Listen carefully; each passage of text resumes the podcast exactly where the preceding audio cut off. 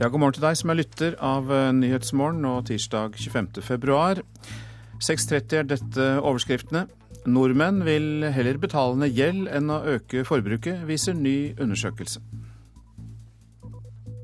Når folk husholderer fornuftig og gjør denne type valg som vi her ser, så bidrar det til å styrke robustheten i norsk økonomi. og Kall det gjerne en gladsak. Idar Kreutzer er administrerende direktør i Finans-Norge. Ørland sa ja, Bjugn sa nei. Dermed blir det ingen sammenslåing av de to Sør-Trøndelagskommunene. Russlands statsminister kaller det som skjedde i Ukraina et mytteri. Og svinegelatin i medisinkapsler skaper problemer for innvandrere. Vi er blitt mer forsiktige med økonomien vår det siste året. Det viser Finans-Norges forventningsbarometer for første kvartal. Ikke siden midten av 90-tallet har så mange svart at de vil betale ned på gjeld framfor å øke forbruket. Det forteller direktør i Finans-Norge, Idar Kreutzer. Jeg tror det skyldes to ting. Eh, det ene er at folk flest har fått med seg at eh, temperaturen i norsk økonomi går ned. Eh, veksten forventes å være noe lavere fremover enn vi har sett de senere årene.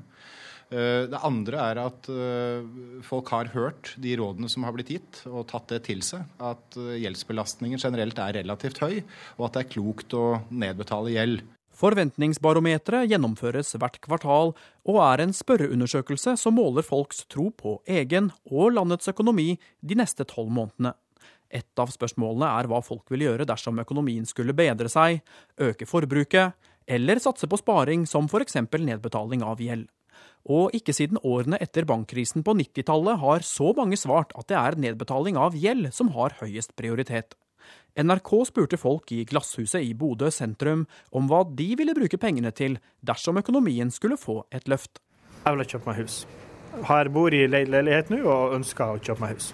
Så det vil si du ville brukt opp uh, det meste? Alt på enebolig. Jeg har ikke gjeld, så jeg vil bruke den gjette bort om ikke annet. Jeg tror det er greit å ha litt gjeld, men uh, ikke for mye.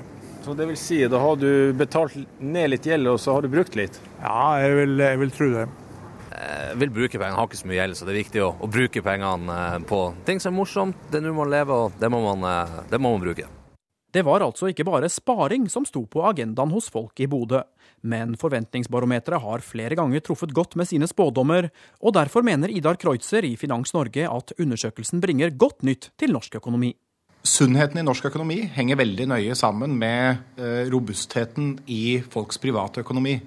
når folk husholderer fornuftig eh, og gjør denne type valg som vi her ser, så bidrar det til å styrke robustheten i norsk økonomi. Og ja, det er en eh, Kall det gjerne en gladsak. At nordmenn har begynt å bli litt mer økonomisk forsiktige, er også noe handelsstanden merker, forteller direktør i Virke, Vibeke Madsen. Ja, Tallene eh, fra Virke eh, gjennom hele 2013 viser jo at vi har hatt en økende del av sparing og en mer forsiktig vekst i handelen enn det vi har hatt tidligere. Og Det mener Virke at vi kommer til å se inn i 2014. Og her tar vi høyde for at det også er en viss sparing. Reportere her, det var Halvard Norum og Bjarne Brandal. God morgen, Rasmus Hansson. God morgen. Du er stortingsrepresentant for Miljøpartiet De Grønne. Og når du lytter til eh, dette, hva syns du om at folk bruker mindre på forbruk? Det er både fornuftig og gledelig. Det er jo selvfølgelig fornuftig fordi ikke bare skjønner folk disse eh, nasjonale uh, trendene i forhold til mye gjeld osv. Eh, men folk er jo klar over at Norge lever i, en boble, i en verden hvor det er en hjerteskjærende annerledes økonomi for fryktelig mange mennesker, selv i land nær oss.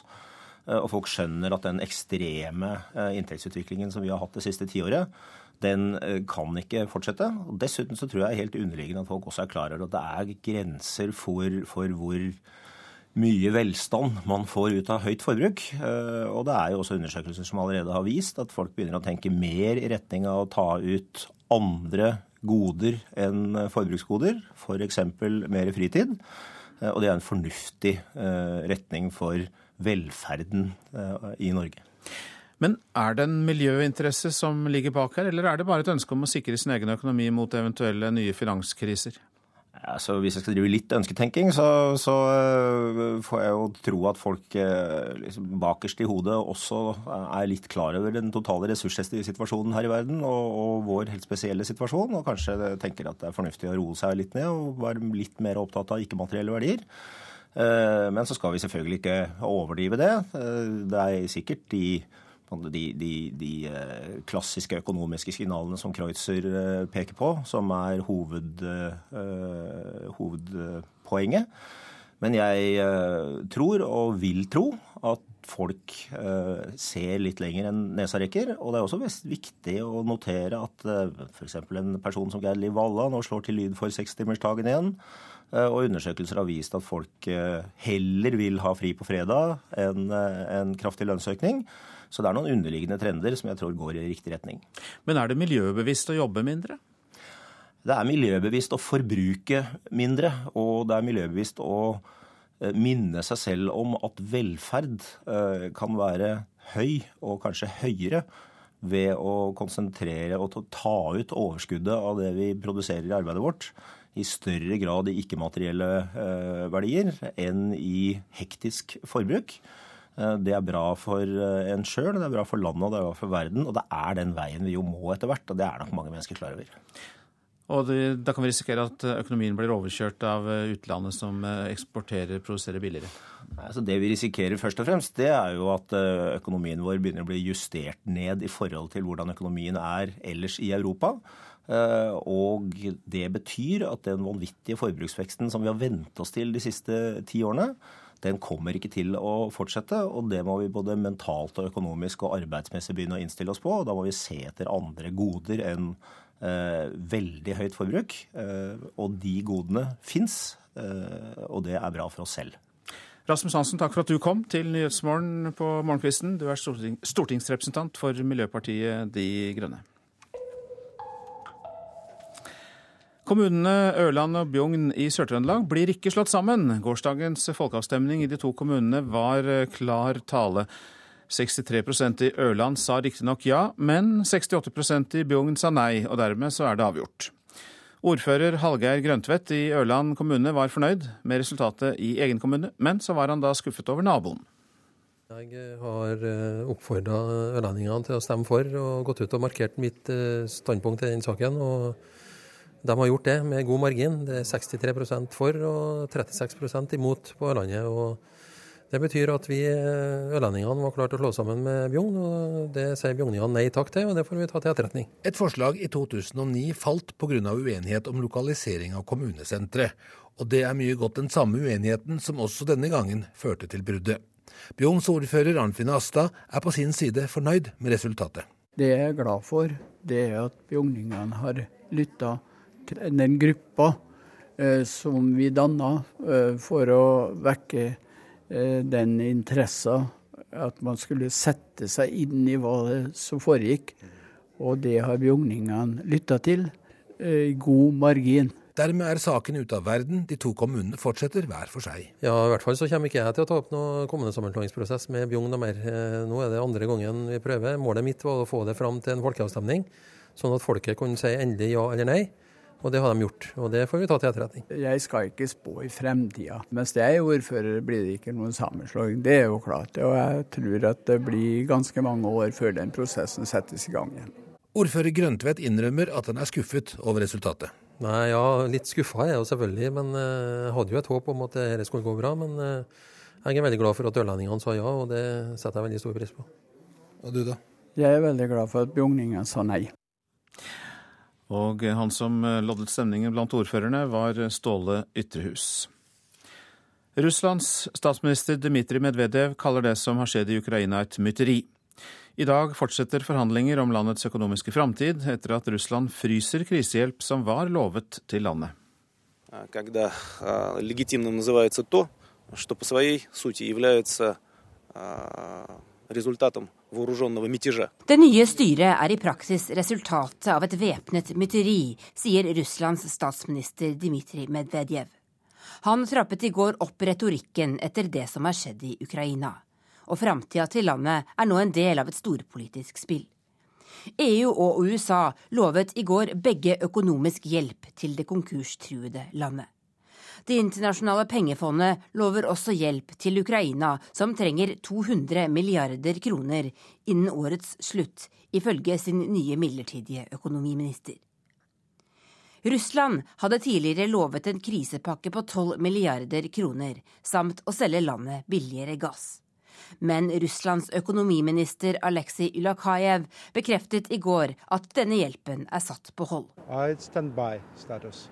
Den er på standby, sa Ulikajev, og understreket at Russland ikke lenger har en partner i form av en legitim regjering i Ukraina. So partner, I mean new, new I Kiev fortsetter den midlertidige regjeringen i dag sitt arbeid. Fortsatt er landets tidligere president Viktor Janukovitsj på frifot, etter at han i går ble etterlyst for massedrap. Og det var Tove Bjørgaas som orienterte. Dagens aviser nå. Stig Larsson etterforsket palmedrapet, skriver Aftenposten. Den avdøde journalisten og krimforfatteren tipset politiet om en navngitt svenske med bånd til den sørafrikanske etterretningstjenesten. Svenska Dagbladet har intervjuet mannen som nå bor på Nord-Kypros. Han nekter all skyld i palmedrapet. Nærmere ti milliarder av oljefondet gikk opp i røyk, kan vi lese i Bergens Tidende. Norges Bank anslår at staten gikk glipp av milliardene da tobakksaksjer ble kastet ut av pensjonsfondet. Nå vil Kristelig Folkeparti, Venstre og Arbeiderpartiet også kaste ut kullaksjer av oljefondet. Det kan bli dyrt, advarer Fremskrittspartiet. Studenter på venstresiden i Ukraina kjempet mot Viktor Janukovitsj, men nå havner de i skvis mellom oligarkene og ytre høyre. Klassekampen har loddet stemningen på venstresida i Ukraina. Der ønsker de å være med og forme landet nå. Dagsavisen skriver om terrorfrykt fra norske statsborgere som har kriget i Syria. Etterretningstjenesten mener de kan utgjøre en terrorfare. Høyre vil møte dem med strengere terrorlov, mens Arbeiderpartiet vil ta imot dem og ikke stenge dem ute. Det er en sammensatt gruppe, sier leder av justiskomiteen Haja Tajik til avisa. Per Olaf Lundteigen som partileder, ja det krever opprørere i Finnmark Senterparti, skriver Nasjonen. Gebyrene for byggesøknader spriker i Agder, det kan vi lese om i Fedrelandsvennen. Kristiansand krever 23 000 kroner, mens Iveland klarer seg med 2500 kroner i byggesøknadsgebyr. Kunstverk fra a-ha-artist Magne Furuholmen kan du låne med deg hjem gratis fra Asker bibliotek, skriver Vårt Land. Et eh, lånebilde viser ekte kunstglede, for når du ikke eier det, har du ikke kunsten for å vise fram rikdommen din, sier sosiolog til avisa. Kalkunhals, grevlingheng, muffinmage, rynkeknær. VG skriver om eh, kjente kvinner som nå vil ha et oppgjør med skjellsord som blir brukt om kvinnekroppen. Petter Northug må trene mer dersom han skal være klar for VM i Falun neste år. Ja, det sier langrennseksperter til Dagbladet. Northugs trener innrømmer at langrennsløperen fikk for dårlig matching foran denne sesongen.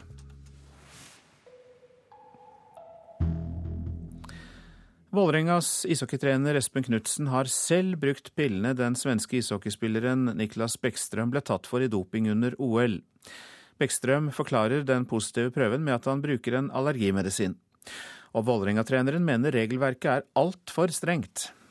Det burde man få lov til å ta. Det, det, er ikke noe som gjør at du blir noe bedre hockeyspiller. Det, det er kun for at du skal slippe å uh, ha en rennende nese eller uh, klø i øynene. Sier Vålerenga-trener Espen Knutsen. Landslagsspiller Ole Christian Tollefsen har selv prøvd pillene Bekkstrøm ble tatt for da han spilte i USA. Han tror det er de forskjellige reglene som forvirrer. Eh, jeg har det én gang da jeg var forkjøla. Da ble jeg anbefalt av legen å ta det, for det åpna luftveien. man beskjed om. Det er jo flere som bruker det, og der borte så står det ikke på noen lister heller. Da var man kanskje ikke helt klar over at det kanskje var på listene i Europa heller. Du kan kjøpe det på apotek i, i, mange land. og eh, Det er mye mer liberal holdning til medikamentbruk i mange land enn det er i Norden. Og I Amerika så er det nok eh, langt mindre bevissthet omkring antidopingarbeid i toppidretten enn det vi har i Sverige og Norge. Det sier antidopingekspert Ingar Lerheim. Niklas Bekkstrøm ble tatt med stoffet pseudofedrin. Medisin i seg selv er ikke ulovlig, men spilleren hadde for høye verdier.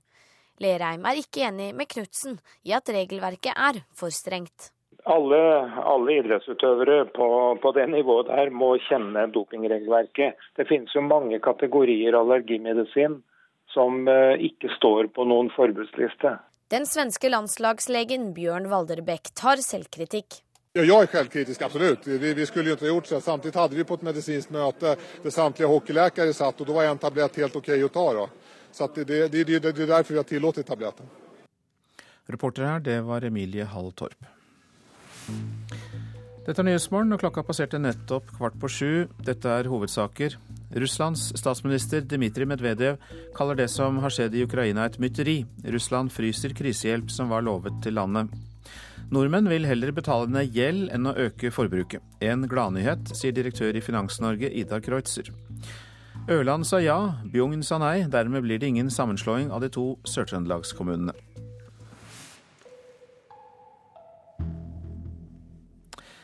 Innvandrere må ikke droppe medisinen sin, advarer flere leger. For mange innvandrere med livsstilssykdommer frykter svinegelatin i medisinkapsler. Nå blir de advart mot å droppe medisinene, men Yousaf Sayad er en av dem som likevel gjør det. Vi kan ikke ta gelatin. Hvis det er svedende, så det er alltid Vi er ikke bruke det. I tre av Oslos 15 bydeler er halvparten av innbyggerne innvandrere, der en av den største folkegruppen er pakistanere. Yousaf Sajad er innvandrer fra Pakistan. Han har diabetes som gjør det nødvendig å ta medisin hver dag. Til tross for tilstanden hans vil han ikke ta medisin som inneholder svinegelatin. Nei, jeg, jeg, velger at eh, jeg kan ikke ta medisin hvis det er, hvis det er fra svinekjøtt. Wasim Saeed er en norsk-pakistansk lege ved Rikshospitalet, skribent og blogger innen helsetema og innvandring. Han mener at helsen må gå først. Jeg skjønner jo at folk gjerne vil følge religiøse regler og lover, men jeg mener jo at eh, liv og helse må gå først. Og eh, når det er nødvendig behandling og det ikke finnes noe annet eh, alternativ, så må jo det, det viktigste være å behandle sykdommen ordentlig.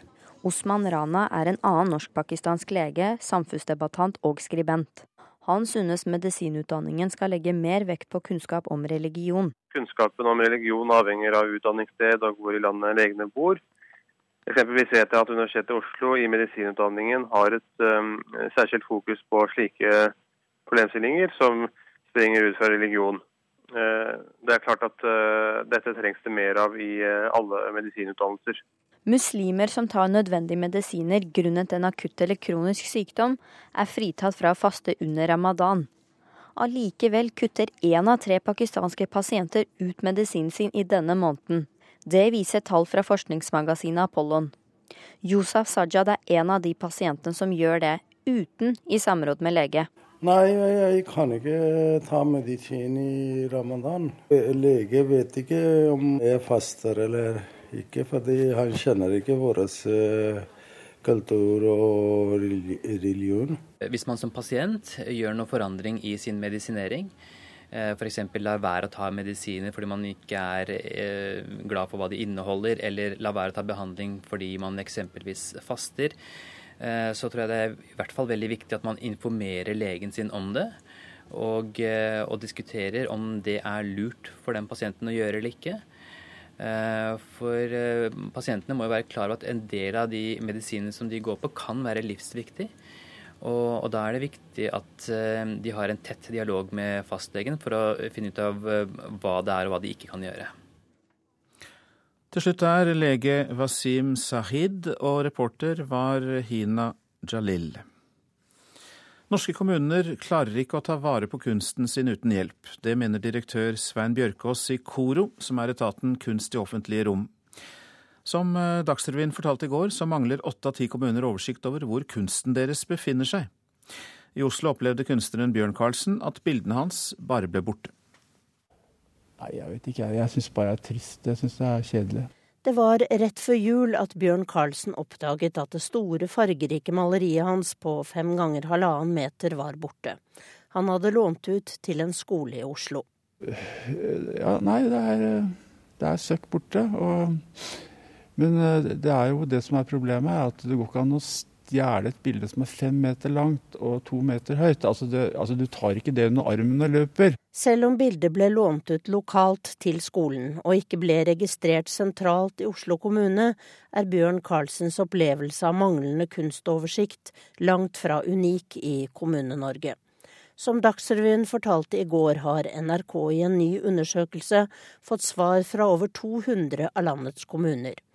Her går det fram at åtte av ti mangler oversikt over kunsten de eier.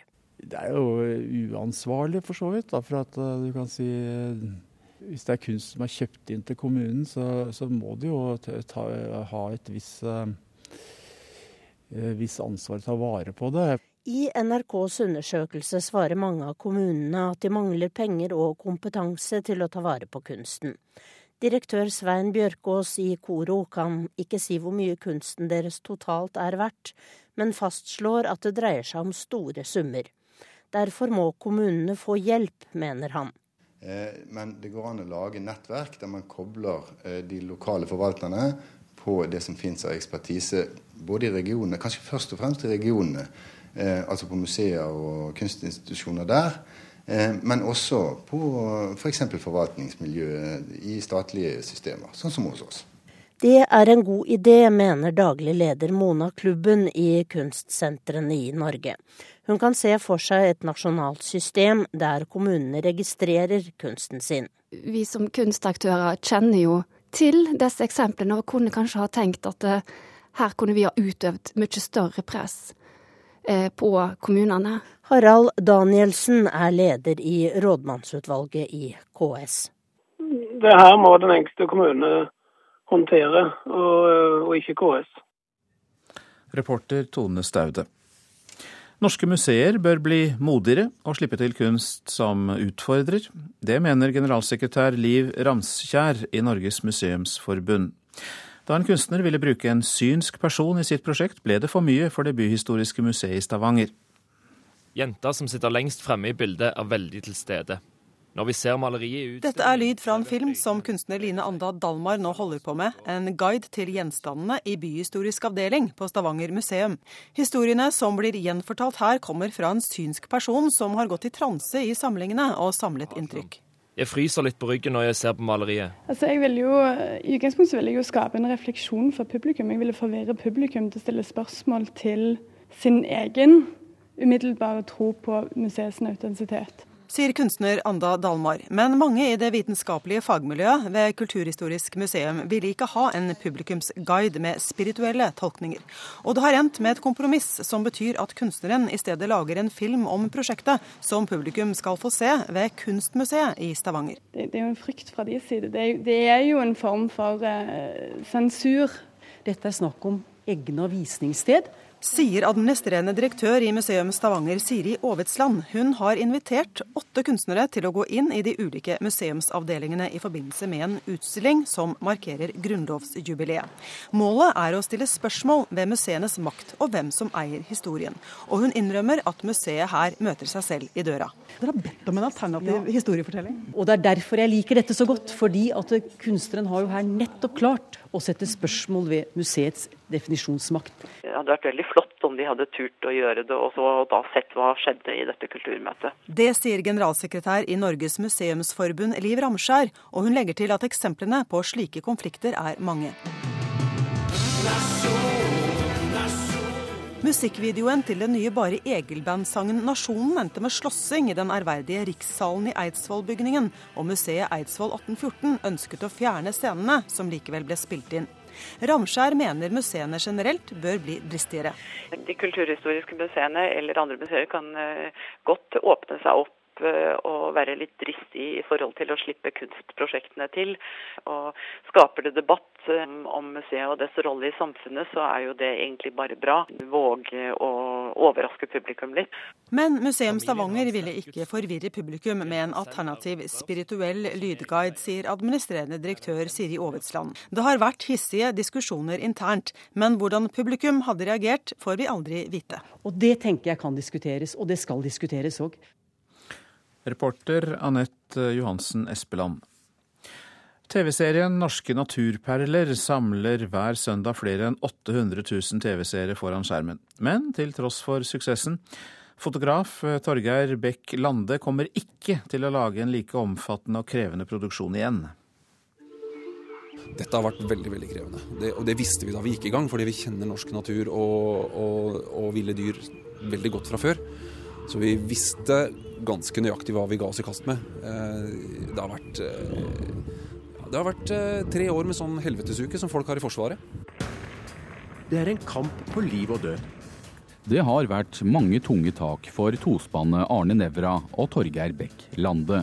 Serien Norske naturperler er den hittil største naturproduksjonen i Norden. Reiret til Natteravn har nesten ingen sett. Tenk å finne det. Dere brukte jo eh, tre år på å lage denne serien. Nå vises den altså på fjernsynsskjermene. Lener du deg nå tilbake igjen og hviler litt på laurbærene, eller hvordan er det? Jeg skulle gjerne ha hvilt på laurbæra og bare tatt et ett års permisjon med lønn. Det syns jeg hadde vært eh, fortjent og sånn akkurat passe nå. Men vi er nødt til å, dessverre nødt til å, å fortsette vi å jobbe, jobbe, videre. Men vi kommer ikke til å planlegge noe, sånn, noe så stort som det her eh, fra norsk natur med norske ville dyr på ei god stund. Og for å være ærlig så sier jeg vel egentlig for min egen del aldri mer. Dette er maurløva. Liten og harmløs for de aller fleste. Nå håper naturfotografen fra Kongsberg at utlandet også skal fatte interesse for norsk natur på TV-skjermen. Alle vi snakker med, uansett land, sier jo at de er veldig interessert i det de, lille de har fått sett, og vil gjerne se mer. Uh, og det, det, jobber vi med. Vi jobber med å prøve å selge dette her videre internasjonalt. Men uh, det er også grunn til å være litt sånn skeptisk til hva, hva, utlandet er interessert i, i alle fall i forhold til um, måten vi lager naturfilm på. Vi lager det litt sakte, tilpassa litt sånn forståelse av norsk natur. At du er herfra, at du har vokst opp her. Så vi må nok bygge det om litt. Uh, skal det passe til f.eks ja, for ikke å snakke om USA, men også hvis det skal passe i Tyskland, Frankrike eller i Holland. Hvis du skal trekke fram noe som du husker eh, best fra denne serien, eh, hva, hva vil, du, hva vil du trukke fram da? Så jeg vil si at det har vært veldig opplevelsesrik. Det er ikke én dag som er lik den andre. Så jeg, jeg, vil trekke fram at alt har vært veldig opplevelsesrikt. Og vi er egentlig kjempestolte av alt det vi har fått til. Vi vil ikke ta fram noe spesielt. Og eh, fotograf eh, Torgeir Bekk Lande han ble intervjuet av reporter Jan Erik Viltil.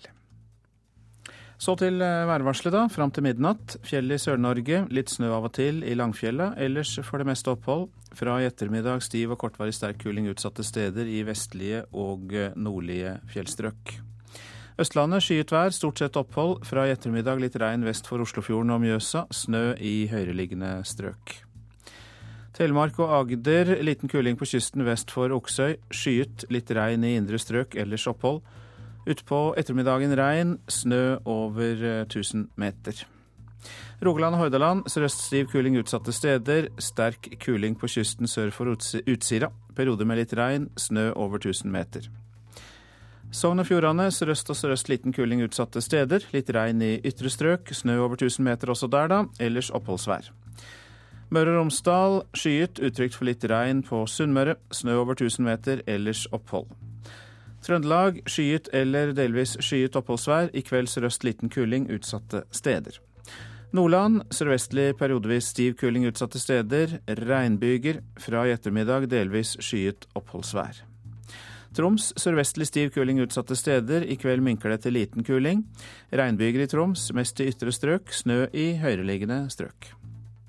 Finnmark sørvestlig liten kuling utsatte steder. Fra i ettermiddag periodevis sterk kuling. Enkelte regnbyger eller sluddbyger, vesentlig da i ytre strøk i vest. Og Nordensjøland på Spitsbergen får spredt snø i dag, mest i øst. I kveld opphold. Temperaturer klokka fire. Svalbard lufthavn minus to. Kirkenes pluss én. Vardø tre. Alta og Tromsø fire. Bodø og Brønnøysund fem. Trondheim-Værnes fire. Molde fem. Bergen seks. Stavanger sju. Kristiansand-Kjevik fem. Gardermoen tre, Lillehammer fire. Røros to grader, og Oslo-Blindern hadde fem grader da klokka var fire. NRK P2. Det er svært stor forskjell i hva hjelp fosterforeldre får. Nå vil de ha mer støtte fra barnevernet. Og KS mener de fleste kommunene støtter kravet om at lærere må jobbe flere uker i året. Her er NRK Dagsnytt klokka sju. Fosterforeldre etterlyser mer hjelp og støtte fra barnevernet. Fosterforeldre tar på seg krevende oppgaver når de tar over omsorgen for et barn, men det er enorme forskjeller mellom kommunene når det gjelder hva slags hjelp og rettledning fosterforeldre får. I Moss kommune forsto de at de måtte endre måten å jobbe på. Det sier Ketil Torsteinsson i barnevernet der. Du skal ikke så mange årene tilbake før det satt saksbehandlere her med, med kanskje 30 alvorlige barnevernssaker hvorav fire fosterbarn f.eks. Og ansvaret, samtidig ansvaret for å undersøke nye meldinger som kom inn i alvorlige saker. Og, og i en sånn setting så taper den langsiktige arbeidsoppgavene med fosterbarna. Skadelig, tenker jeg. Og, og, det er sikkert mange kommuner som har vært gjennom de fasene der. Vi har nå iallfall funnet ut at vi skal ha et eget team som, som konsentrerer seg om de ungene vi har tatt et så uendelig stort ansvar for. Reportere Ola Flyum og Håvard Grønli. KS mener de har de aller fleste kommunene bak seg i kravet om at lærerne må kunne fordele arbeidstida si på flere uker i året, dersom rektor mener det gir en bedre skole. NRK har tidligere snakka med flere kommuneledere som har sagt at de ikke stiller seg bak et slikt krav til skolene. KS skal forhandle med lærerne på vegne av kommunene. Jeg har lyst til å si at Når det sies at eh, mange er imot, så er det iallfall borti 90% en av, altså 9 av 10 eh, gir jo støtte til KS i disse forhandlingene. KS-leder Gunn Marit Helgesen sier hun får masse støtteerklæringer etter å ha gått ut med krav om at lærerne må kunne fordele arbeidsåret sitt på flere uker enn dagens 38 hvis skolen ønsker det. Og jeg får faktisk veldig mange stå-på-meldinger fra skoleledere, fra skoleeiere, eh, for at vi trenger å reforhandle avtalen. Reporter Trond Lydersen. Transportarbeiderforbundet NTF sender i dag representanter til Stockholm for å samle støtte i kampen for tariffavtale i Risavikehavn i Sola i Rogaland. Det skriver Klassekampen.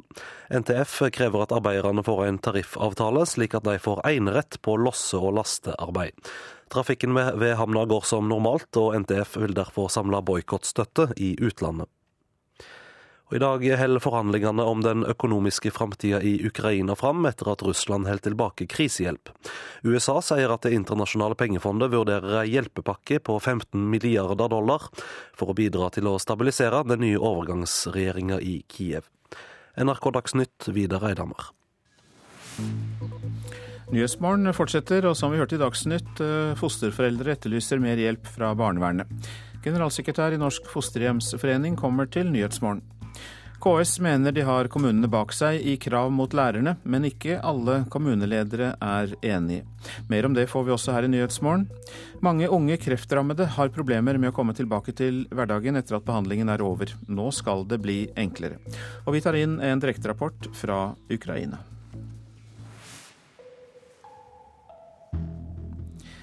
Ja, fosterforeldre etterlyser mer hjelp og støtte fra barnevernet.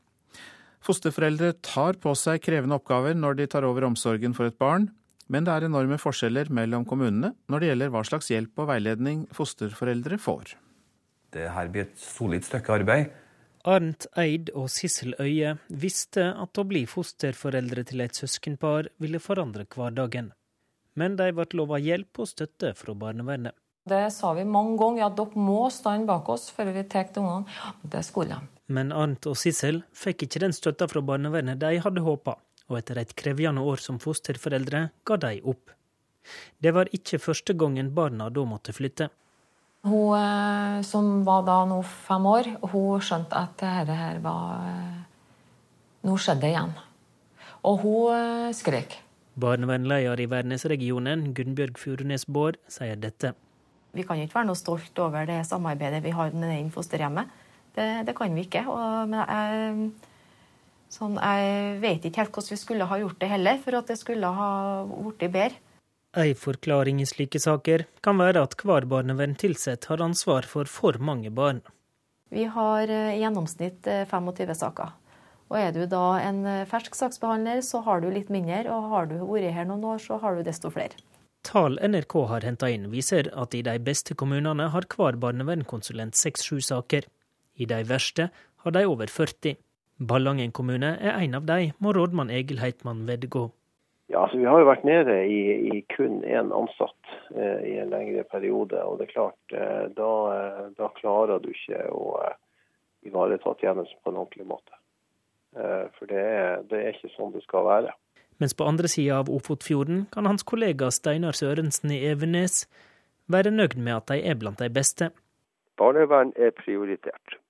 Kommunen hadde flere tunge barnevernssaker, og forsto at de måtte satse. Det gjør at de også får prioritert oppfølging av fosterheimene. Oppfølging av fosterhjem er et prioritert område. Eh, vi prioriterer å være innom på de nødvendige besøkene som skal være. Og vi prioriterer også ei oppfølging særskilt for de som har behov for det. Og eh, jeg tror at det å ha en optimal god oppfølging av, eh, av fosterhjemmene er en nødvendig forutsetning for å lykkes, også som fosterhjem. Reportere her, det var eh, Ola Flyum og Håvard Grønli. Tove Wahlstrøm, god morgen. Du er generalsekretær i Norsk fosterhjemsforening, og ehm, ja, la oss ta det aller viktigste. Hva skal til for at fosterforeldre skal lykkes? Det er mange ting.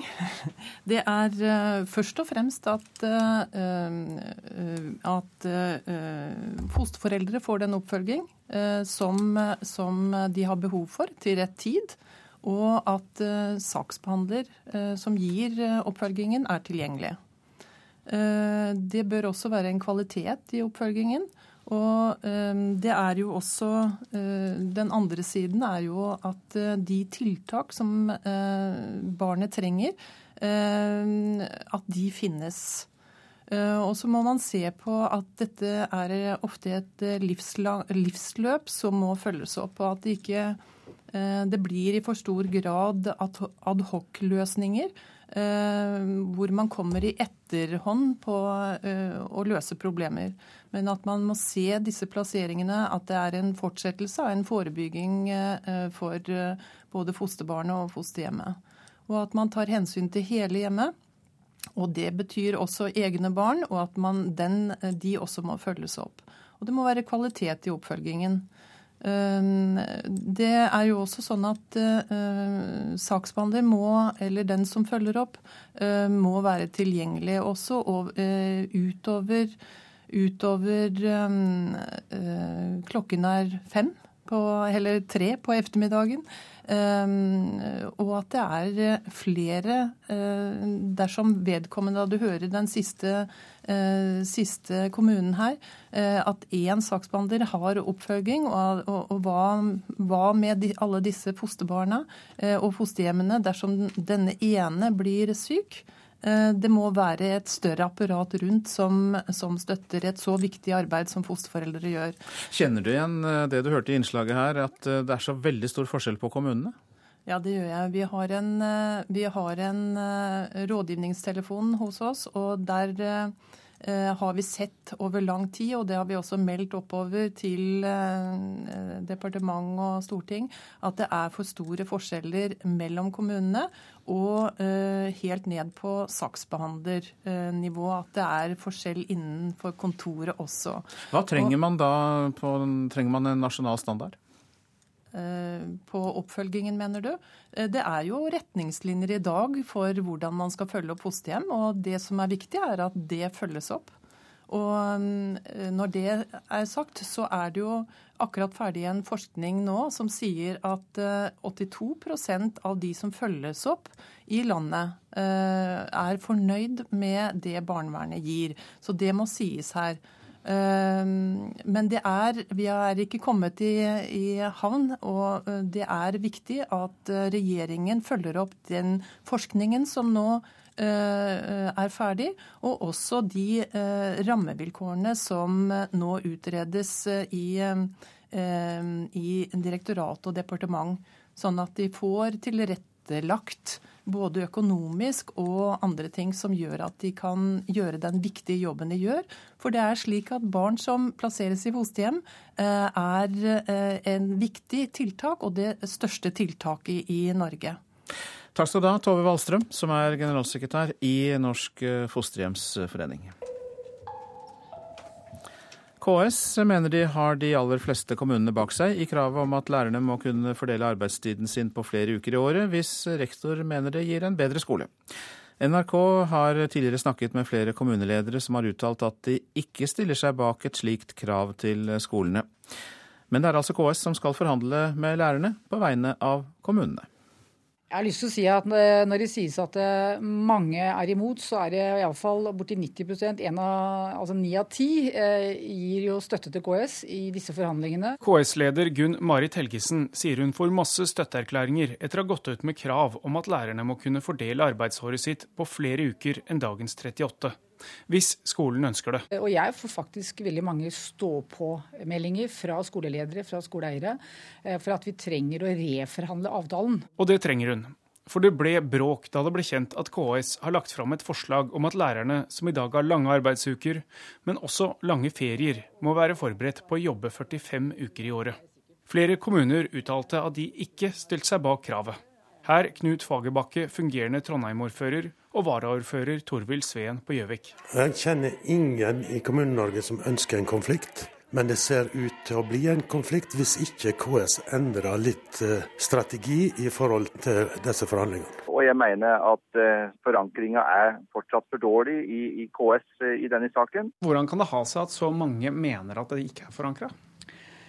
Det er klart Når det begynner å bli stormfullt og mye tøff ordbruk, så kan det jo tenkes at man uh, føler at uh, dette har ikke jeg vært med på, at det er en sånn refleks. Uh, men sannheten er at disse spørsmålene tas opp med medlemmene på disse årlige strategikonferansene hvert eneste år. Og Helgesen i KS mener avtalen med lærerne må endres. Dersom det er motstand mot å gjøre endringer og tilpasse skolehverdagen litt mer i tråd med det som er behov, så er det nok at det, det er motstand, så legges det ofte på is. Men 45 ukers arbeidsår tror heller ikke KS på. Det å angi uker er ikke så veldig interessant egentlig, fordi det er det vi skal forhandle om. Dere trenger ikke nødvendigvis å ende opp på det dere har starta med? Nei, Det er et forhandlingsposisjon. Eh, vi skal inn i forhandlinger, og i forhandlinger så må som kjent alle gi og ta litt. Reporter eh, Trond Lydersen. God morgen til deg, Ragnhild Lid. God morgen. Du er leder i Utdanningsforbundet. La oss ta det siste først, da. Ja, Gi og ta litt. Er dere villige til det? Ja, i forhandlinger så må en gi og ta litt. Eh, og det er klart, eh, vi vil være i forhandlingsposisjon. Eh, og vi ser at dette handler om å få noe, men skal en få noe, så må en også gi noe. Men hva tror du om KS støtte blant kommunale ledere? Altså, Jeg har ikke sett noen undersøkelse som viser det Helgesen hevder her. Eh, men tvert imot så har jeg lest KS sin egen Rambøll-rapport, som viser at eh, eh, nærmest åtte av ti grunnskolerektorer de mener en må ha en sentral avtale som gir like vilkår over hele landet. Men hva tror du om eh, kommunale ledere? For lærerne de sitter jo nær, eller rektorene sitter jo nær lærerne, men høyere oppe i systemet. Hva tror du om støtten til eh, dere i Utdanningsforbundet der, eh, sammenlignet med den støtten KS får fra sine egne? Ja, Vi har jo særlig gjennom media da, sett at mange lokalpolitikere nå har gått ut og kritisert KS, ikke minst den prosessen som har vært der. Det er det bildet vi har. Men så har vi jo da dette med å forhandle arbeidstid, og det må jo være nødvendig fra tid til annen for å modernisere arbeidslivet og tilpasse seg nye behov, som vi hørte her. Hvilke forandringer i arbeidstid er det dere mener det bør åpnes for, da? Altså, I våre krav så har vi vært opptatt av flere element. F.eks. så ser vi at det er helt nødvendig å få tid til rettledning og veiledning av nyutdanna lærere. Eh, vi har også snakka om at det, må være god tid til pedagogisk leding, slik at rektorene får mulighet til å, å drive en god skole. Eh, og så har vi også sagt at undervisningstida til lærerne er nå veldig pressa, så vi har en del element også i forhold til det. Men 45 arbeidsuker per år, hva tror du om mulighetene for at det blir kjørt gjennom her? Eh, ja, jeg ser at det ligger i KS sitt krav. Vi har vært opptatt av at skal du strekke, som det heter, da, arbeidsåret, så betyr det at du må ta av den tida lærerne bruker til å forberede god undervisning for elevene i den tida elevene går på skolen. Så vi har sagt at lærerne må jobbe mye i den tida for å være godt forberedt til eh, undervisninga. Eh, derfor så syns vi at 45 arbeidsveker, det går ikke an. Men tror du lærerne er villige til å spise litt av sommerferien, for å si det folkelig, for å få til en løsning? Ja, Nå er jo det for så vidt ikke sommerferien til lærerne, dette. Eh, vi skal se på alle element som ligger der. Vi skal snakke om alle disse elementene. Men det vi er opptatt av, det er at vi må ikke ta av den tida lærerne bruker til å forberede undervisninga, og til å gi elevene gode tilbakemeldinger i deres sitt skoleår. Partene er jo høyt opp på banen tidlig i denne prosessen. Tror du at det dermed kan eh, ende med konflikt her? Eh, nå er jo dette her lagt inn i eh, tariffoppgjøret, og vi skal forhandle der. Vårt mål er å komme fram gjennom forhandlinger. Men et tariffoppgjør har mange element, så vi kan ikke avvise at dette kan ende i konflikt. Men først så skal vi også til meklingsinstituttet og se hva som skjer der. Vi ønsker ikke å bidra til at eh, dette skal skape stor uro i skolen, slik som det vil skje hvis vi må gjennom en streik. Men må vi det, så må vi det. Og da er vi villige til å gå til det skrittet. Takk skal du ha, Ragnhild Lid, som altså da er leder i eh, Utdanningsforbundet. Ja, dette er Nyhetsmorgen, og klokka den passerte nettopp 7.16. Eh, dette er eh, hovedsaker. Vi har hørt at fosterforeldre etterlyser mer hjelp fra barnevernet. Det er store forskjeller mellom kommunene i den hjelpen de får. Mange unge kreftrammede har problemer med å komme tilbake til hverdagen etter at behandlingen er over. Det skal vi høre mer om. Og vi tar med at Russlands statsminister Dmitrij Medvedev kaller de som, det som har skjedd i Ukraina et mytteri. Russland fryser krisehjelp som var lovet til landet. Mer om det straks. Men først om at USA vil gi økonomisk støtte til overgangsregjeringen i Ukraina, men ønsker at Det internasjonale pengefondet IMF skal sitte i førersetet for dette.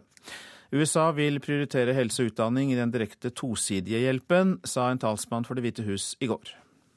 Han sa egentlig forbausende lite, pressetalsmann Jay Carney fra Det hvite hus i går. Søndag uttalte USAs finansminister at pengefondet er best når det gjelder å hjelpe stater som Ukraina med deres økonomiske utfordringer.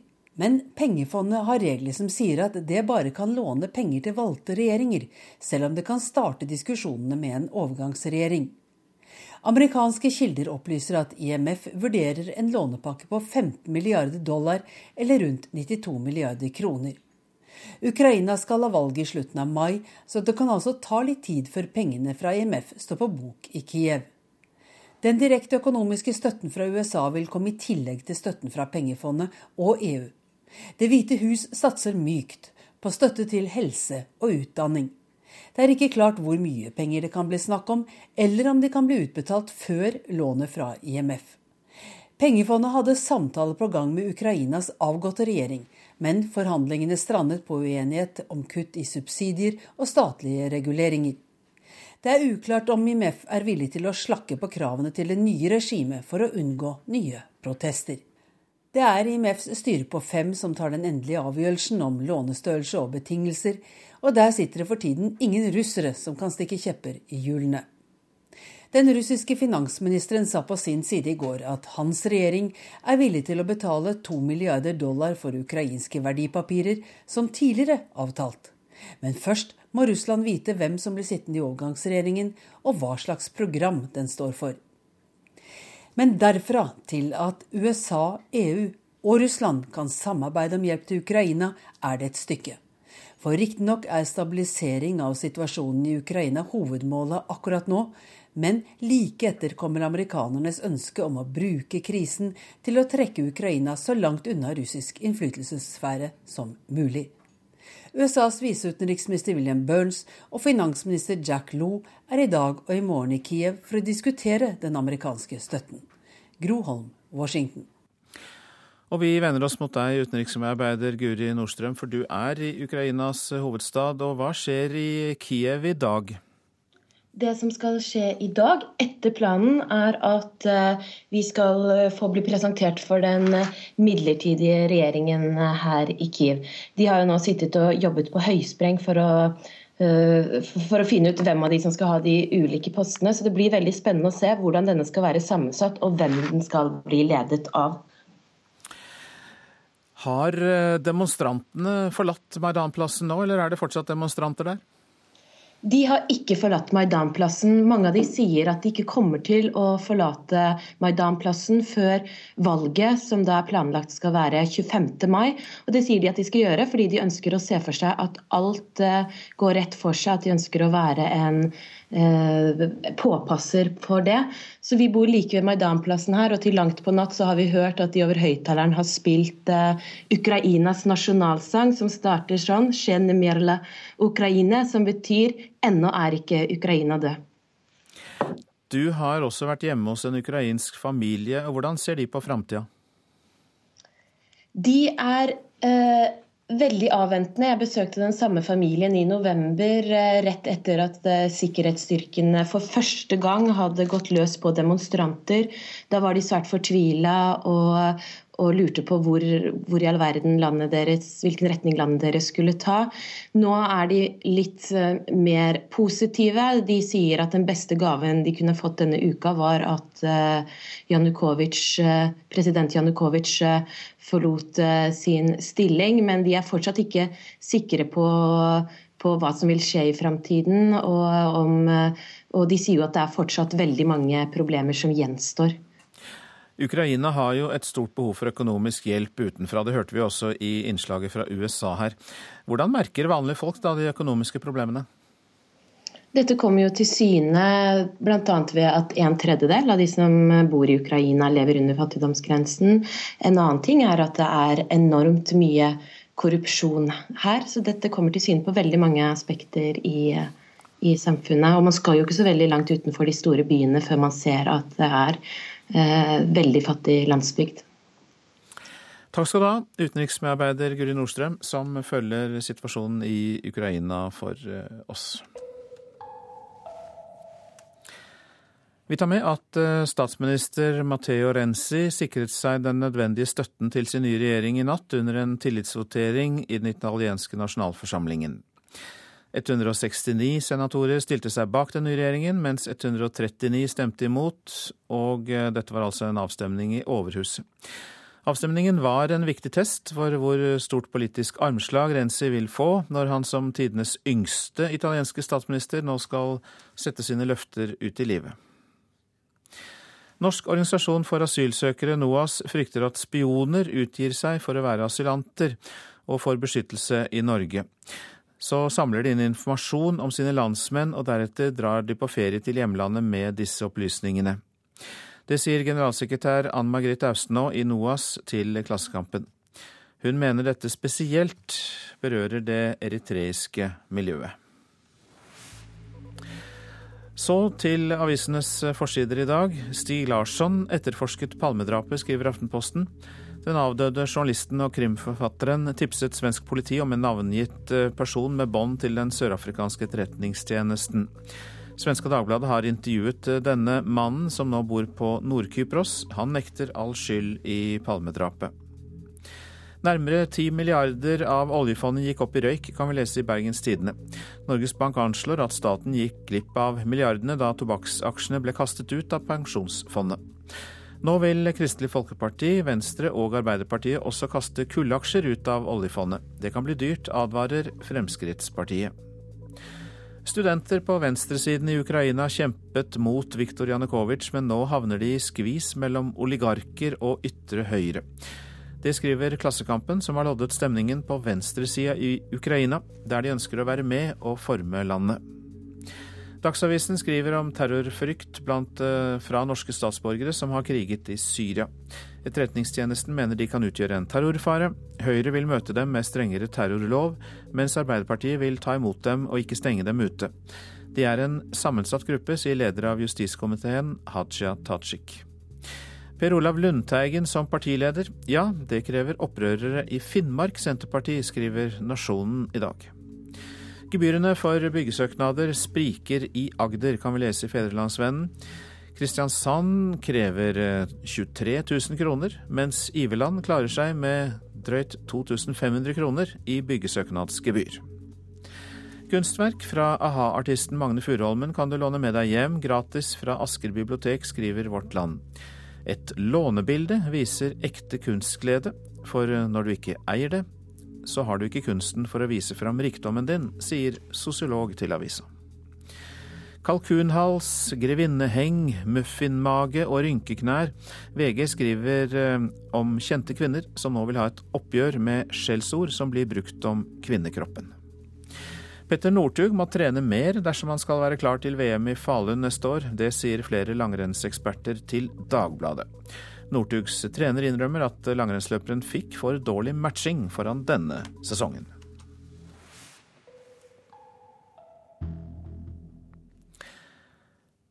Det viser seg at mange unge kreftrammede har problemer med å komme tilbake til hverdagen etter at behandlingen er over. Nå skal de lettere kunne møte hverandre for å snakke og lære. Nei, Det kom brått eh, å få, få en eh, diagnose slengt på meg så, så ung alder. Eh, det er liksom ikke noe jeg hadde noe kunnskap om. Eh, ikke noe i familien har hatt kreft. Så det blei ble en helt annen hverdag. Trond Evensen var 33 år gammel da han fikk diagnosen uhelbredelig lymfekreft. Han hadde nettopp møtt kvinnen i sitt liv, og omtrent samtidig som han fikk kreftdiagnosen, fikk han også beskjed om at hun var gravid. Midt oppi det hele, ikke sant? du får en sånn trist nyhet, og så får man en sånn glad nyhet. Så det ble veldig kontraster. Eh, for for meg så har det bare vært helt eh, tommel opp. Eh, det har fått et helt annet fokus på livet. Bare en styrke. da, At nå skal jeg gjennom og, og, og, og følge hun videre. Mm. Han har hele tiden vært åpen om kreften, og det har vært viktig for ham å snakke med andre unge kreftrammede. For mitt vedkommende så vet jeg at det, det styrker, og det, det, gjør en bare eh, mer forberedt og, og gjør ting lettere. Nå skal personer mellom 18 og 45 år som er behandlet for blod- eller lymfekreft, lettere få mulighet til å snakke med hverandre og lære om ettervirkninger av kreftbehandling. Leder for prosjektet Ung Flyt, Tone Hansen, sier mange får problemer når de skal tilbake til livet etter kreftbehandlingen. Når de da er ferdige med behandlingen, så har de tenkt at livet skulle bli akkurat sånn som det var før de da ble syke. Og så er de ikke forberedt på den virkeligheten som møter det. Mange kan oppleve at de er veldig slitne i etterkant av kreftbehandlingen, sånn at ikke de ikke orker å være med på det de gjorde før. De orker kanskje ikke å være sammen med de jevnaldrende når de går ut på vorspiel, for det er kanskje mer enn nok bare med å klare å komme seg gjennom dagene sine. Noen kan oppleve at de er så trette at de har problemer med helt dagligdagse ting, som du og jeg tar som en selvfølge, som å kle på seg og gå ut og hente posten. Det kan for noen oppleves som en svært tung treningsøkt.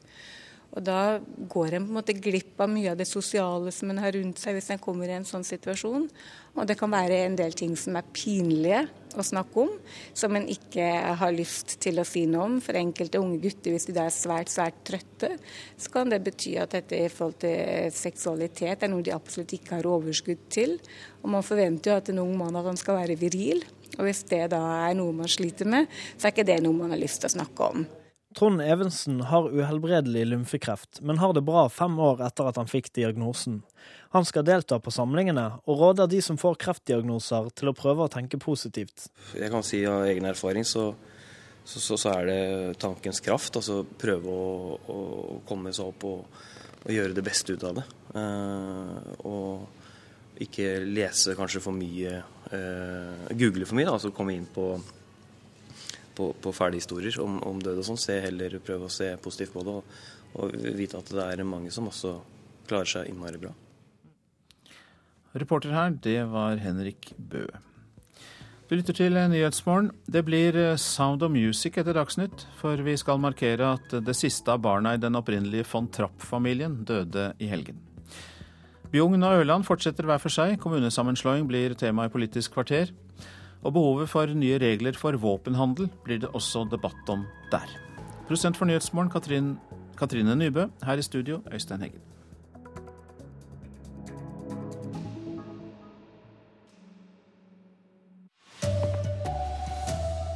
Presidenten i Uganda slår tilbake mot kritikken mot antihomolova. Vi trenger ikke pengene deres, sier han. Fosterforeldre etterlyser mer hjelp fra barnevernet. Det er enorme forskjeller mellom kommunene. Og nordmenn vil heller betale ned lån enn å bruke pengene sine på forbruk. Her er NRK Dagsnytt klokka 7.30.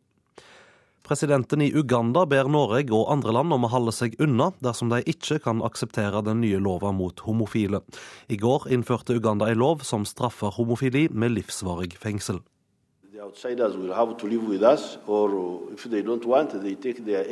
Våre partnere må leve med oss og den nye loven. Hvis ikke kan de ta pengene sine og gå, sier president Jori Museveni. Presidenten i et av Norges viktigste samarbeidsland når det gjelder bistand, var ikke nådig da han i går signerte loven mange land har fordømt. Homofile i Uganda kan nå bli satt i fengsel på livstid dersom de praktiserer sin legning. Norge gir 400 millioner kroner i bistand til landet hvert år. I går sa utenriksminister Børge Brende at regjeringen vil holde tilbake 12% av disse pengene nå. Det regjeringa nå sier i dag, har gjort klart, at vi da holder tilbake en del av bistandsmidlene, 50 millioner, og så bruker vi mer penger på menneskerettighetsorganisasjoner. Ifølge president Museveni kan imidlertid Norge holde tilbake de 350 andre millionene også. Uganda er et rikt land. Vi trenger ikke bistand. Faktisk skaper bistanden problemer for oss, sier Museveni. Uganda er bare ett av 37 land i Afrika som straffer homofili. Men den nye ugandiske loven er streng. Homofile må rehabilitere seg selv, og samfunnet må hjelpe dem til å endre legning, sier den ugandiske presidenten. Reporter Tove Bjørgaas. Fosterforeldre etterlyser mer hjelp og støtte fra barnevernet. Fosterforeldre tar på seg krevende oppgaver når de tar over omsorgen for et barn, men det er enorme forskjeller mellom kommunene når det gjelder hva slags hjelp og rettledning fosterforeldre får. Det her blir et solid stykke arbeid. Arnt Eid og Sissel Øye visste at å bli fosterforeldre til et søskenpar ville forandre hverdagen. Men de ble lova hjelp og støtte fra barnevernet. Det sa vi mange ganger, ja, dere må stande bak oss før vi tar ungene.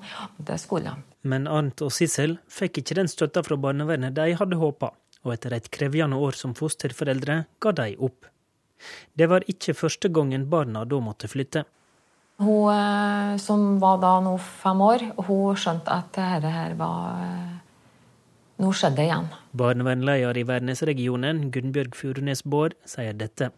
Vi kan ikke være noe stolt over det samarbeidet vi har med det fosterhjemmet. Jeg vet ikke helt hvordan vi skulle ha gjort det heller, for at det skulle ha blitt bedre. En forklaring i slike saker kan være at hver barneverntilsatt har ansvar for for mange barn. Vi har eh, i gjennomsnitt 25 eh, saker. Og Er du da en eh, fersk saksbehandler, så har du litt mindre. Og har du vært her noen år, så har du desto flere. Tall NRK har henta inn, viser at i de beste kommunene har hver barnevernkonsulent seks-sju saker. I de verste har de over 40. I Moss kommune gjorde de noe med det. Da ble oppfølginga av fosterheimene bedre, sier Ketil Torsteinsson i barnevernet der.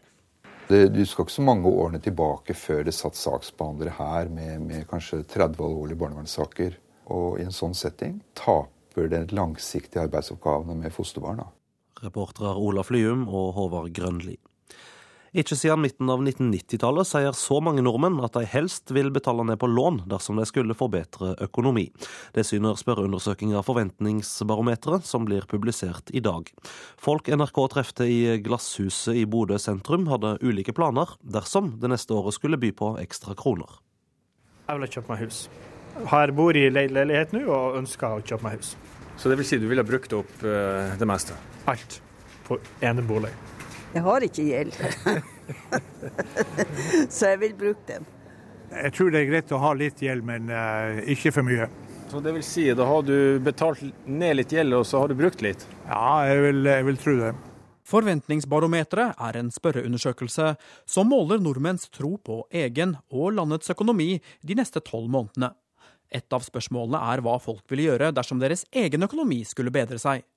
Og ikke siden årene etter bankkrisen på 90-tallet har så mange nordmenn svart at de da vil betale ned på gjeld framfor å kjøpe mer. Jeg tror det skyldes to ting. Sier direktør i Finans Norge, Idar Kreutzer.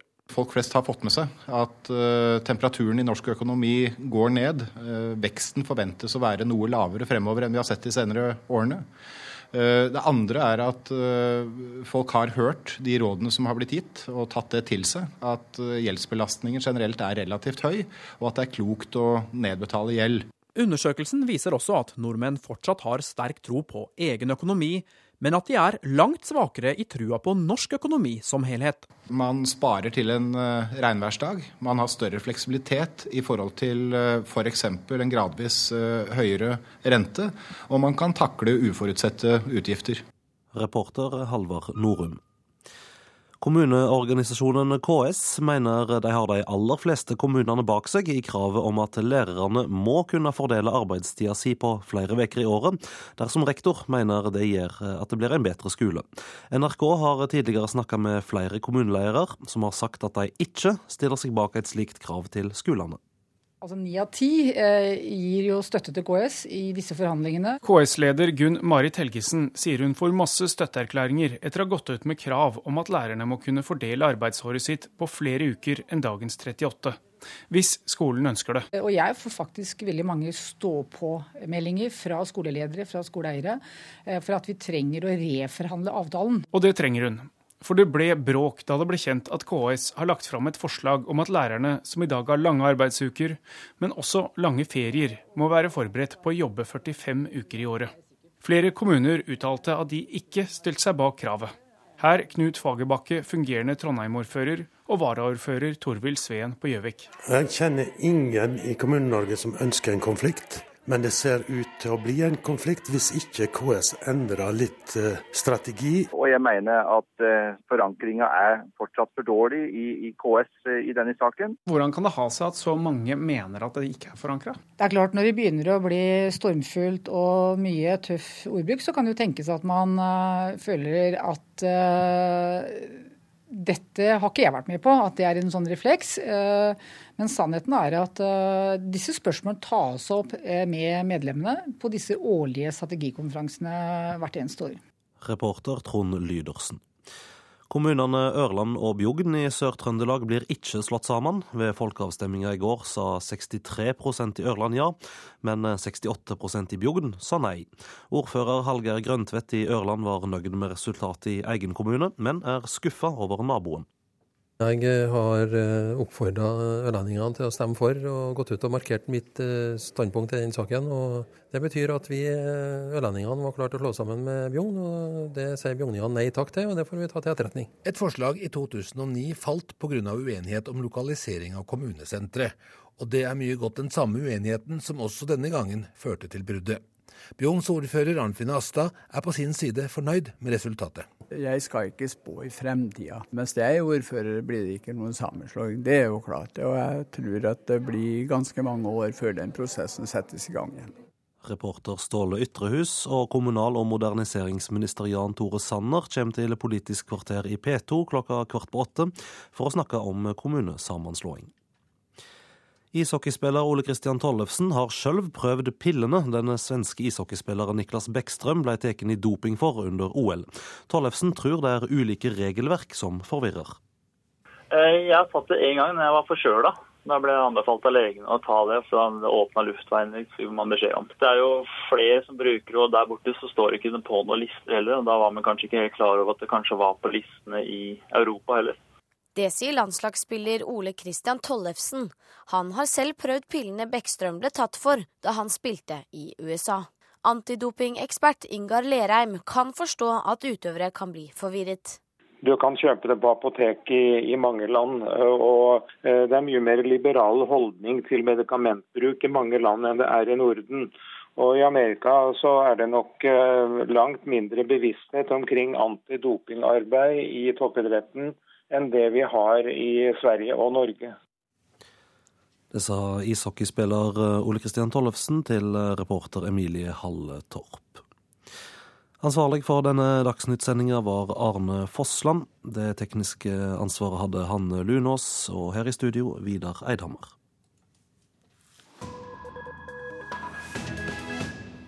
Dette er eh, Nyhetsmorgen. I helgen døde den siste av de sju barna fra den opprinnelige von Trapp-familien. Den syngende familien som har fått evig liv gjennom filmen og musikalen Sound of Music. Reporter Sissel Wold forteller om den virkelige familien. Let's start at the very beginning. Millioner av kinogåere elsker musikken og historien om den strenge enkemannen og sjubarnsfaren kaptein Georg von Trapp. When you read, you begin with ABC. Og nonnen Maria med kjærlighet for musikk, men med sterke meninger. Were you this much trouble at the Abbey? Oh, much more, sir. Falsk. Min far er ikke riktig fremstilt i filmen, sier datteren Maria von Trapp til Reuters, eller Mitzi som hun ble kalt. Mitzi var en av de sju barna ubåtkapteinen fikk med sin første kone, baronesse Agathe Whitehead. Georg von Trapp var en dekorert helt i Østerrike-Ungarns marine. Men etter første verdenskrig var keiserriket oppløst, og Østerrike var uten kyst. Ubåtkaptein von Trapp forble arbeidsløs i en alder av 38 år. Agathe døde av sykdom i 1922. Den virkelige von Trapp-familien hadde et hardt liv, temmelig forskjellig fra det i Hollywood-filmen. Mitzi var bare åtte år da moren hennes døde. It was awful, of course, for us, you know. Vi savnet mor enormt, sier hun i en dokumentar laget av Bruce Alfred for Biography Channel. You sing, you do, re. Men etter et par år kom den foreldreløse nonnen Maria Augusta Cochera til residensen ved Salzburg for å undervise de sju barna. She came into the house. We didn't know what to do with her. But very soon we took to her because she Vi likte henne etter hvert fordi hun sang med oss, forteller Mitzi von Trapp. I didn't want my father to marry her. Men jeg ville ikke at far skulle gifte seg med henne, for Maria var mer som en søster for oss, sier hun. Men kapteinen giftet seg med den mye yngre nonnen. Georg von Trapp var en velstående aristokrat, men da familiens bank gikk over ende, var han ruinert. Nå hadde han ni barn, familien måtte flytte opp på loftet og leide ut underetasjene. For å overleve måtte familien begynne å opptre for penger, noe den aristokratiske kapteinen mislikte sterkt. Dear me,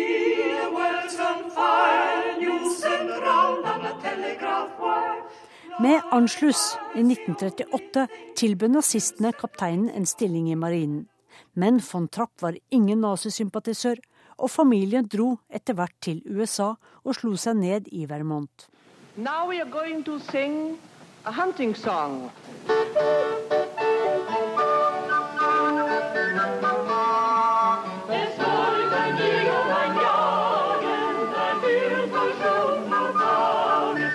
Trap Family Singers ble igjen en suksess.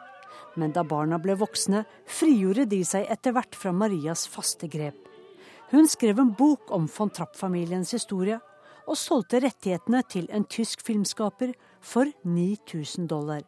Da Hollywood senere lanserte filmen The Sound of Music, trillet millionene inn, men ikke til familien den handlet om.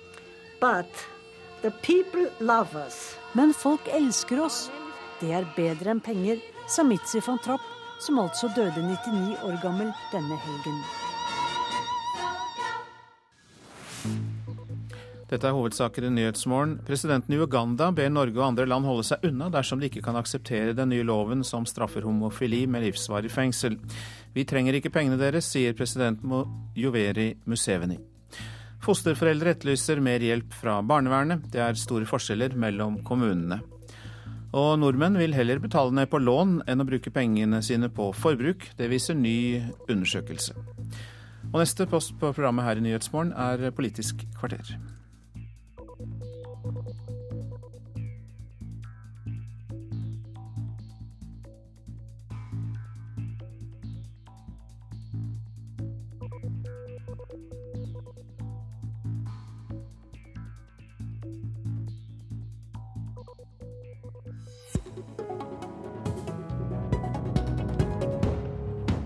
Ørland sa nei, men Ørland sa ja, men Bjugn sa nei. Ingen kommunesammenslutning i Trøndelag denne omgang. Men den kommer, mener kommunalminister Jan Tore Sanner.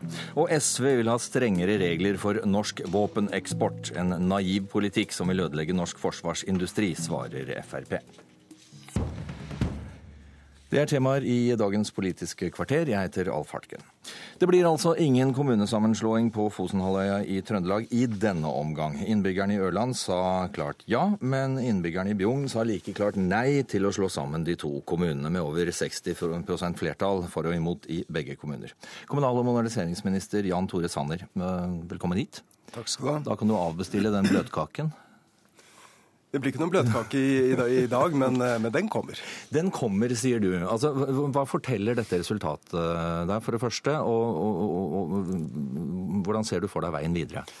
Det er klart at Hadde også Bjugn sagt eh, ja i går, så hadde eh, Ørland og Bjugn ligget i forkant av utviklingen. De to kommunene, Fosen og for øvrig resten av Kommune-Norge, står foran noen ganske store utfordringer i årene som kommer, i forhold til å sikre innbyggerne gode tjenester. Litt av årsaken til at resultatet ble som det ble i Bjugn, det var jo at kommunen gikk veldig splittet inn i denne folkeavstemningen. Det var Senterpartiet bl.a. som ivret for kommunesammenslåing i Bjugn, mens eh, Høyre og delvis Arbeiderpartiet og Frp var imot. Eh, for de mente at eh, Ørland og Bjugn ble, ble, for lite.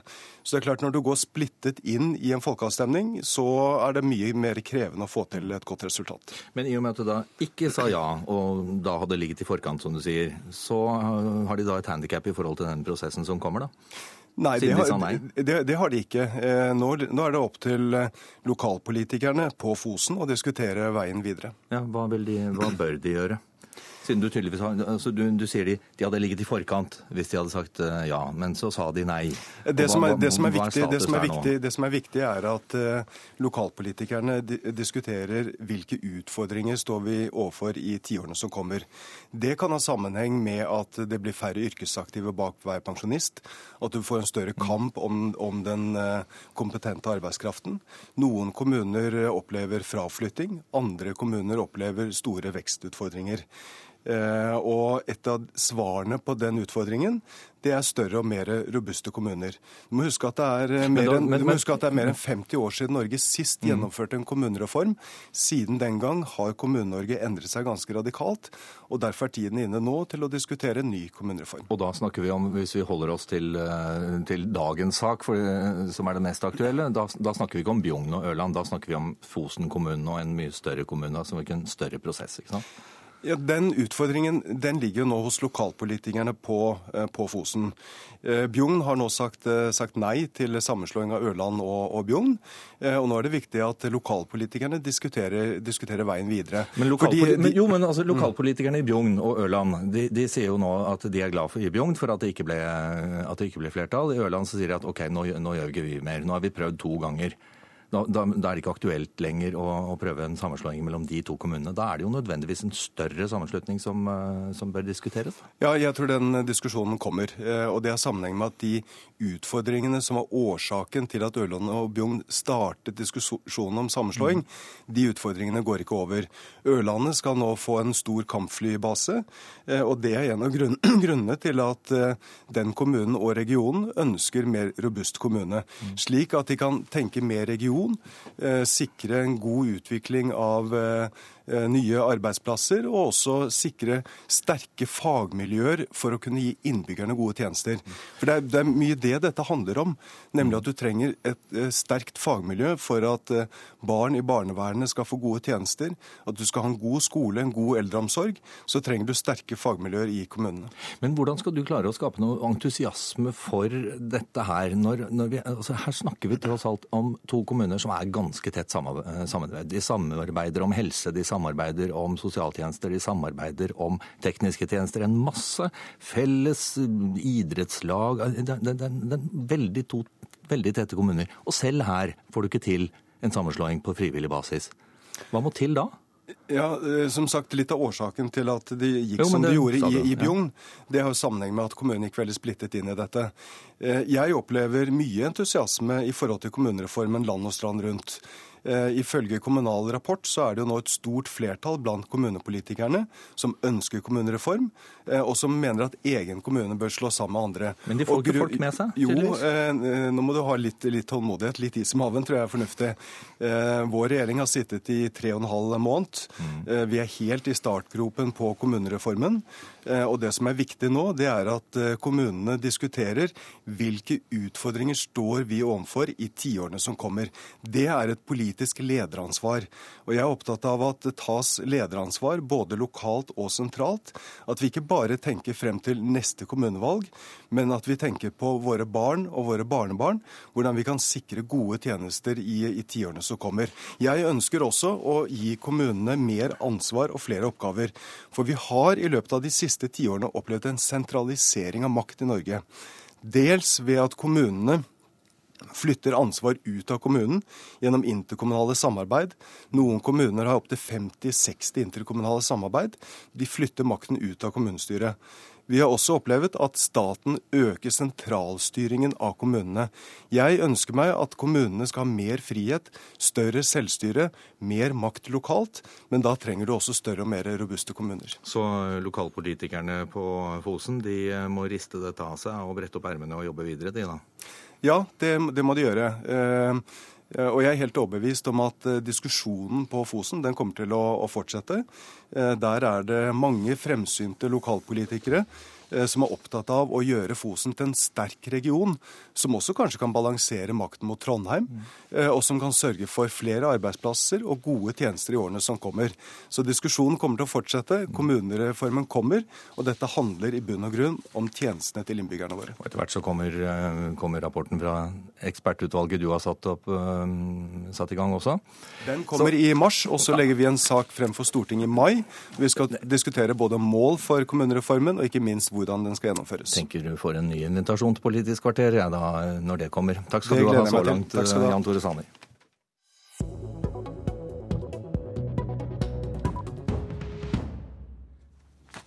SV vil ha endret reglene for norsk våpeneksport. De vil sikre at norske våpen, eller deler som brukes til våpen, ikke blir solgt videre til land som Norge ellers ikke ville solgt våpen til. I dag skal reglene for norsk våpensalg debatteres i Stortinget, og som vi kunne se i Dagsrevyen i går, så mener altså bl.a. dere SV, Bård Vegar Solhjell, at lovverket må endres.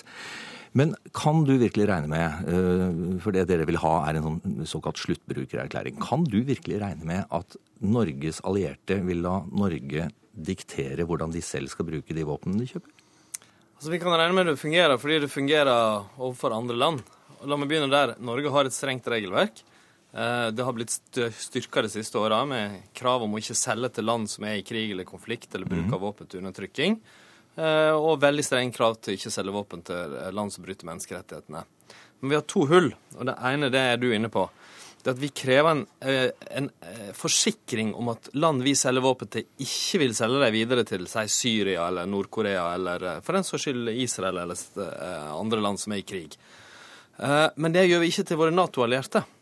Og så har vi jobba i Nato i mange år. Men, men, hvorfor er det viktig at vi også skal gjøre det med våre Nato-allierte? Fordi den største delen av våpensalget vår går til Nato-land. Ja, men stoler vi ikke på uh, ja, våre allierte? Så, så, det er ikke bare sånn at det er et bitte lite hull. Det, det, det, er et stort hull. Mm. Og uh, hoveddelen av vårt våpensalg går til land som vi ikke stiller sånne krav til.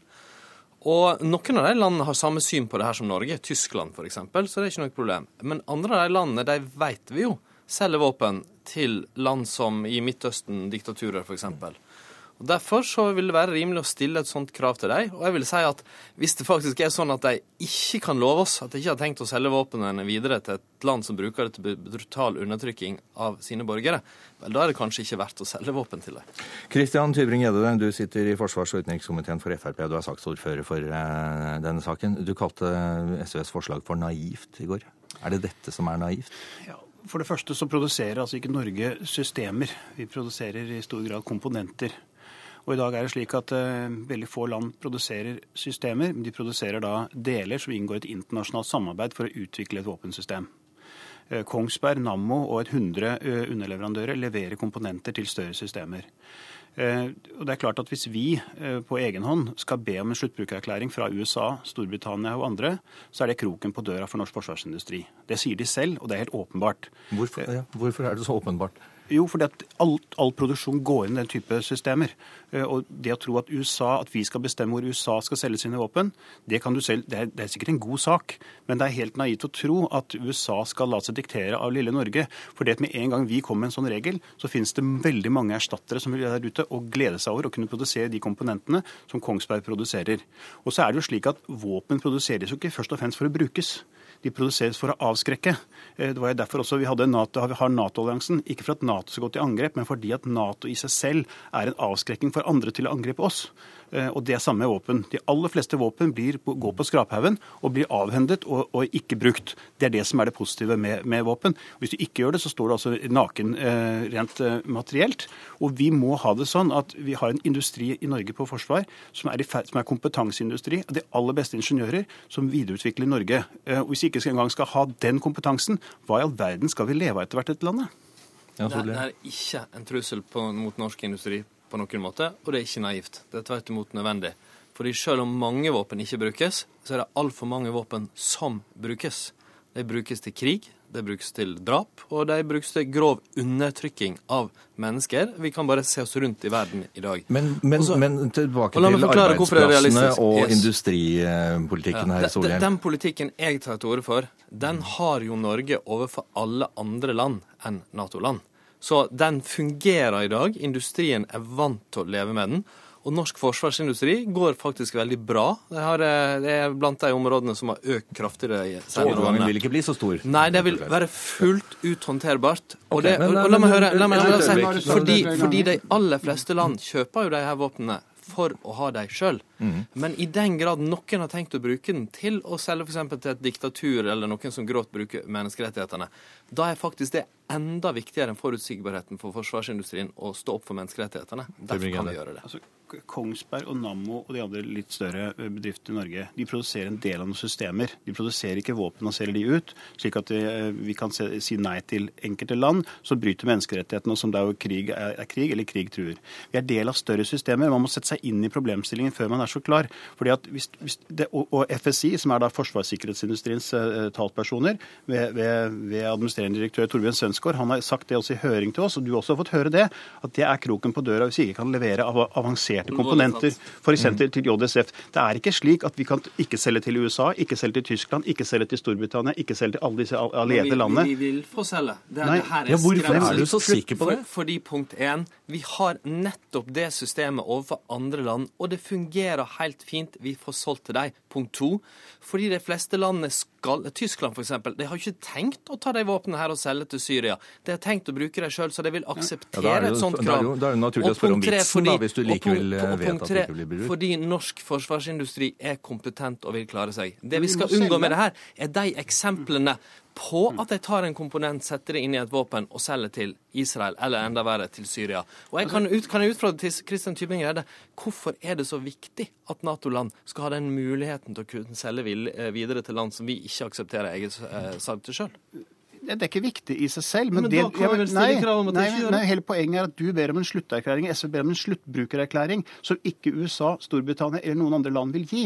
Og du kan sa kreve det likevel. Og da er norsk forsvarsindustri ute av det, fordi vi har erstattere som kan levere de komponentene som Kongsberg og Nammo og andre leverer. Og så kan du si sånn, ja, for de godes tjeneste og fordi du er opptatt av menneskerettighetene, SV, så må du altså legge ned Kongsberg og du må legge ned Nammo. Det er industrihistorie fra 1814-1897. Det er ren skremselspropaganda. Nei, det er ikke det. det er ingenting som tyder på at det blir nedlagt. Det tvert imot norske bedrifter går, Hvis de sier det selv, svært- så er det kanskje verdt å lytte til. Men alvorlig talt, mange som ønsker å unngå strenge regler, Men hvem skal de selge til da? det Det er jo et interessant spørsmål. Men Hvem det skal de går selge til veldig bra til dem. De kommer til å kunne fortsette å selge. Spør Men det det her er et spørsmål om forutsigbarhet er viktig, men menneskerettigheter og demokrati er enda litt viktigere. Hvem skal de selge til da? Ja, det er, dere sitter og brenner inne med spørsmål til hverandre. Det var mye jeg kunne spurt dere om også. Denne debatten kommer i Stortinget. Vi har rett og slett ikke mer tid her i Politisk kvarter eh, her i dag. Takk skal du ha, Christian Tybring-Gjedde, og takk til deg, Bård Vegar Solhjell. Jeg heter Alf Hartken.